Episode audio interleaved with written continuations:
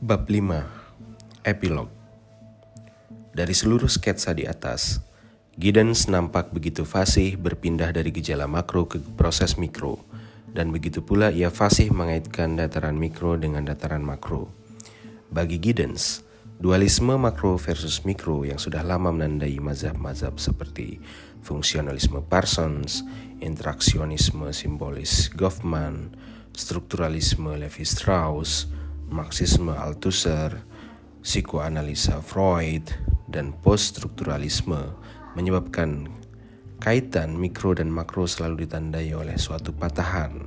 Atau dengan kata lain, di antara mikro dan makro terdapat missing link.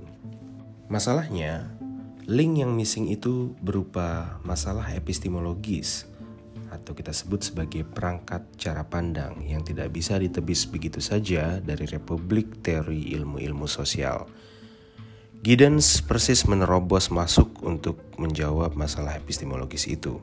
Saya kira persis dalam hal itulah teori strukturasi Giddens telah menyajikan sintesa baru, baik dalam gejala globalisasi yang nampaknya begitu impersonal maupun dalam perkara identitas diri yang kedengarannya personal, terlibat dualitas struktur dan pelaku.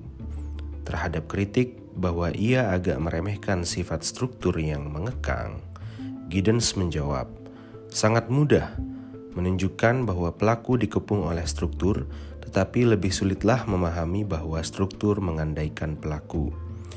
Menunjukkan bahwa kinerja struktur mengandaikan pelaku Itulah yang menjadi agenda teoretis Giddens.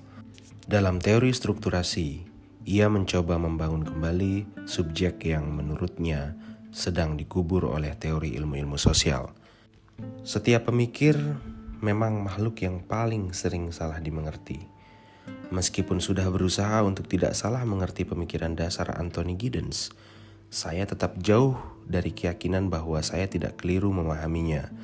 Dan bagi saya, Membuat sketsa pemikiran Giddens yang begitu luas, bagaikan mengejar kawanan gejala modernitas yang selalu berlarian tunggang langgang.